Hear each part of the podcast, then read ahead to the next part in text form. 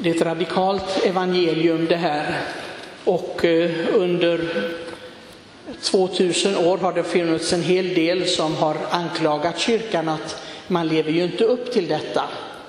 Är det någon påve eller biskop eller präst eller annan kyrkans tjänare som bara går omkring med en herdestav?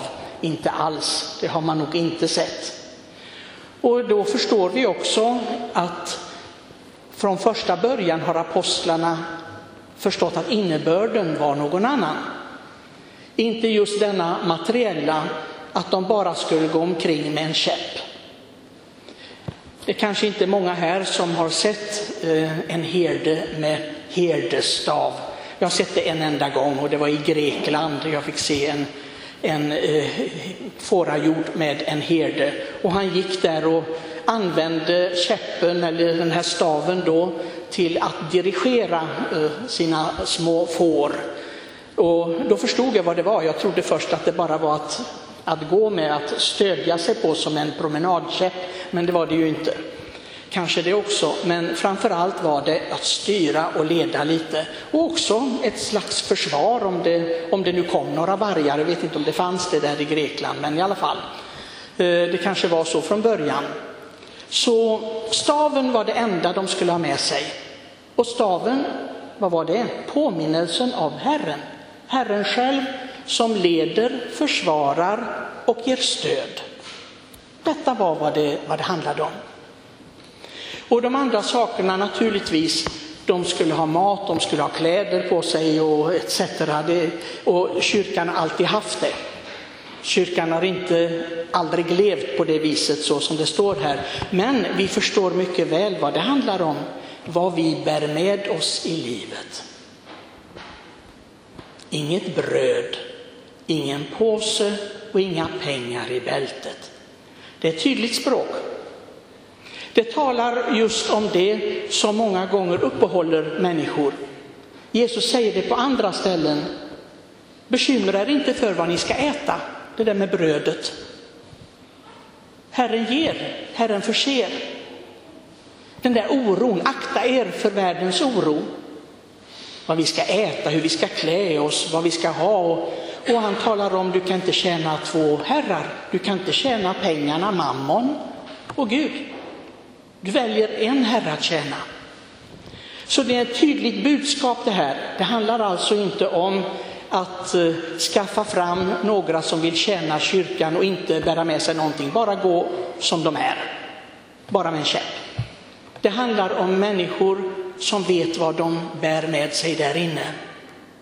Och det sägs till apostlarna för att det ska komma ut till oss.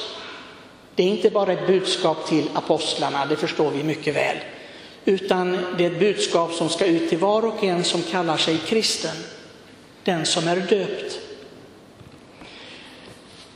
Ja, vad har vi inom oss? Vad är det viktigaste inom oss?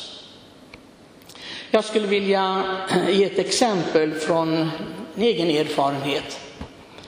Eh, det handlar ju om eh, Många gånger så får vi präster tala med äldre församlingsmedlemmar, äldre personer som, som sörjer över att de är de enda som fortsätter gå i kyrkan. Deras barn går inte i kyrkan, de vänder sig till och med mot kyrkan De vill inte ha med Gud att göra, ingenting som har med tron att göra. Och det är ett mysterium det här. Ett stort mysterium. Vi känner de fromma familjerna där barnen inte går i kyrkan och så är det andra som kommer från icke-fromma familjer och där går de i kyrkan, de efterkommande. Jag har ett exempel på det. I min familj det talades aldrig om Gud. Aldrig en gång under min uppväxttid hörde jag Gud nämnas. Det var aldrig någon bön, ingenting. Hur jag fick tro, det, för mig det är själv ett mysterium. Men tron är en gåva, men man måste öppna sig för den. Och det ser vi här i evangeliet. Om det finns någon som vill ta emot er, så gå till dem, tala med dem. Vill de inte, skaka av er dammet från fötterna och ge er där iväg. Ibland så får vi präster höra, men kan inte pater gå till min son eller till min dotter och tala med dem? Jo, visst kan vi göra det. Men det har nog ingen betydelse då. Det har visat sig under mina över 30 år som präst, det har inte haft någon betydelse när jag gått till människor och så försökt övertyga. Det blir nästan sämre. Då kommer de aldrig mer i kyrkan. Tyvärr, det har jag varit med om. Utan det handlar om människan själv som upptäcker vad som är det viktigaste. Och där naturligtvis kan föräldrarna eller vem som helst vara en viktig, så att säga, profet. Vara ett vittne om detta. För om jag har vittnat om i mitt liv att det är inte det viktigaste vad vi tjänar, vad vi får ihop och vad, hur vi tryggt vi har det i det yttre. Om jag kan vittna om detta, utan det viktigaste är att jag har Gud i mitt liv, att min själ blir frälst, ja, det, då blir det tydligt och klart. Det finns människor som blir så oerhört uppretade och, och engagerade i om det händer någonting med deras prylar, med deras bilar. Tal, oh, om du får en repa på din bil, milde tider, det, det är världens slut. Eller om du förstör någonting i deras hem, du tappar mormors skål i, i golvet och så, oj, oj, oj, det är precis som det är världens undergång. Det, det visar liksom vad vi har där vad vi bär med oss i vårt bagage i livet, genom livet. Och det är naturligtvis ser andra människor. De ser tydligt och klart det, vad du har i ditt hjärta. Det, du kan inte smyga med det. Vi tror att vi kan maskera oss kanske och smyga med det, men det går inte. Förr eller senare så uppenbaras det vad som finns i ditt hjärta. Det är precis som Gamla Testamentet redan säger, det munnen talar om, det finns där i hjärtat. Det avslöjas hela tiden. Jesus säger också i en liknelse som är mycket tydlig om detta. Ni vet den rike mannen och Lazarus. Den rike mannen han hade bara sett till att han fick ut sitt här. Han skulle ha ett gott liv, njuta av livet och det gjorde han. Och han tyckte han hade rätt till det, för han hade ärligt eller ej tjänat ihop de här pengarna och kunde njuta av livet. Så dog han, för det gör alla. Det är ingen av oss som kommer att stanna kvar, ingen av oss. Inte ens påven stannar kvar, inte kungen heller eller statsministern. Alla dör vi. Och så läggs vi i jorden eller vi bränns upp. Men försvinner, det gör vi härifrån. I alla fall, också den fattige mannen dör. Och vad händer? Och han kommer till en salighet och till en lycka och allt det som han har genomlidit i världen, det finns inte mer. Och det glöms bort, för han, han, lever i lycka hos Gud. För han har aldrig förbannat Gud, han har även i sin fattigdom tänkt på att hedra Gud. Gud fanns i hans liv. Och den rike mannen som då får ta konsekvensen av att han har levt ett ogudaktigt liv, han säger, men jag tänker på mina bröder, rädda mina bröder åtminstone. Och Abraham då, som i Guds namn får säga, varför då? Liksom, vad, vad ska jag göra? Och han säger, men, men skicka någon död eller någonting, någon som skrämmer upp dem så de förstår att det är viktigt det här. Och Abraham säger, det är Jesus ord, att de har Mose och profeterna. Om de inte lyssnar på dem så ska inte ens de döda skrämma dem eller påverka dem. De får skylla sig själva. Och då så är det. I Guds frälsningsekonomi, de som inte vill lyssna på Mose och profeterna, på Guds ord, de får skylla sig själva. Men vi har också vårt ansvar. Det är inte det att vi kan säga, ja men då, det finns så många biblar att köpa, de kan köpa dem. Nej, nej, nej, nej min vän. Jag har också mitt personliga ansvar hur jag är en profet i livet. Hur jag ser. Om de ser att jag är girig, jag är oförsonlig, jag är okysk, jag är allt möjligt. Och det är klart att det påverkar andra. Jag åkte med en eh, kamrat till mig, en präst, en katolsk präst som i USA och vi hade firat mässa i en kyrka och efter mässan ville en polis och hans fru eh, bjuda in oss till kvällsmat. Och vi gick dit och eh, de pratade om sitt liv och så sa de att eh, snart ska vår äldste son komma hem. Skulle någon av er präster vilja höra hans bikt? Ja, vill han bikta sig då, frågade jag. Då sa vill och vill. Det är viktigt för mig, sa polisen. Jag är inte så glad i att han åker, hela tiden i hans liv har det funnits mopeder och motorcyklar. Jag vet att det är farligt, men det är precis som det är det enda som existerar för honom. Han har inte så bra utbildning heller och så, men jag, jag bryr mig inte om det. Det enda jag bryr mig om att han inte går förlorad. Det är det enda jag bryr mig om. Jag ger gärna av mina pengar och betalar för hans liv och så, så länge jag lever. Men jag vill inte se hans själ gå förlorad. Och jag säger det till honom hela tiden. Lev i Guds nåd. Se till att du inte förlorar din själ.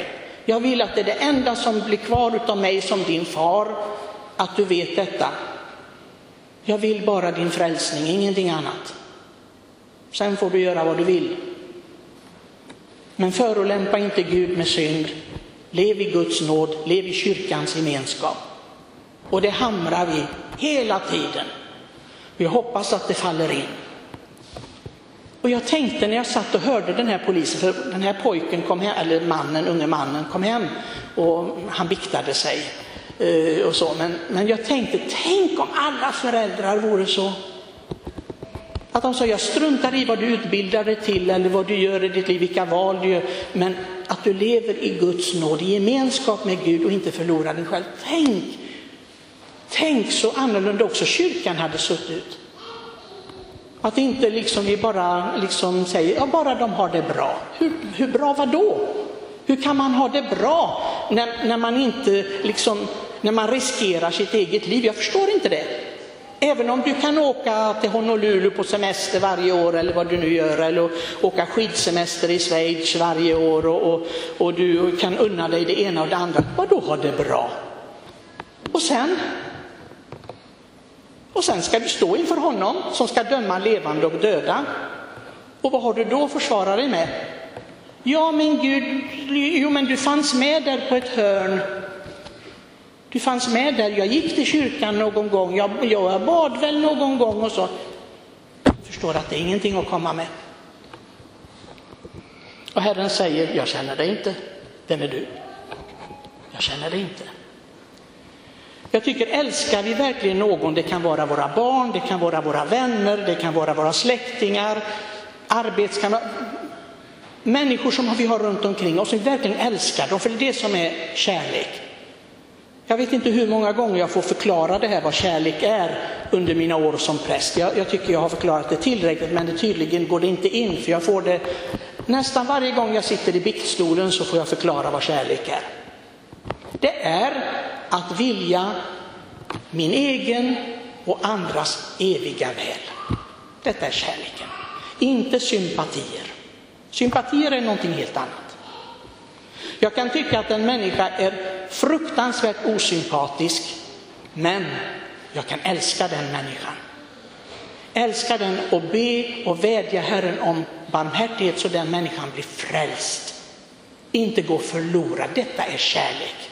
Och naturligtvis, konsekvensen är att ser jag någon fattig så hjälper jag till någon som, det säger ju Jesus, den som hungrar ska jag ge och äta etc. Den som är ledsen ska jag trösta. Men det, det kommer av denna kärleken.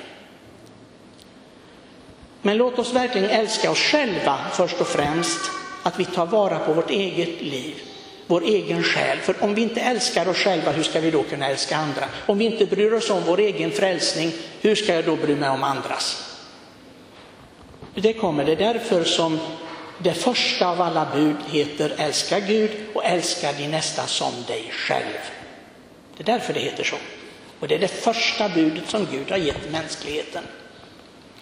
Så låt oss verkligen ha den här sanna kärleken, att vi ömmar för varandra och inte bara bli arga på varandra. Det är så många som är arga på andra människor. Jag tänker om, jag tror att det är en påminnelse, brukar jag säga, för att du ska be för den människan. Du ska be för den människans frälsning. Det är därför du blir arg på honom eller henne. Det är ditt ansvar. Gud ger dig ett ansvar genom detta. Och du ska svara för det här ansvaret. Så låt oss verkligen be för varandra och ta hand om varandras själar. Det är det som Herren säger idag. Ta inte med dig någonting på vägen. Det enda du ska ha med dig, det är Kristus.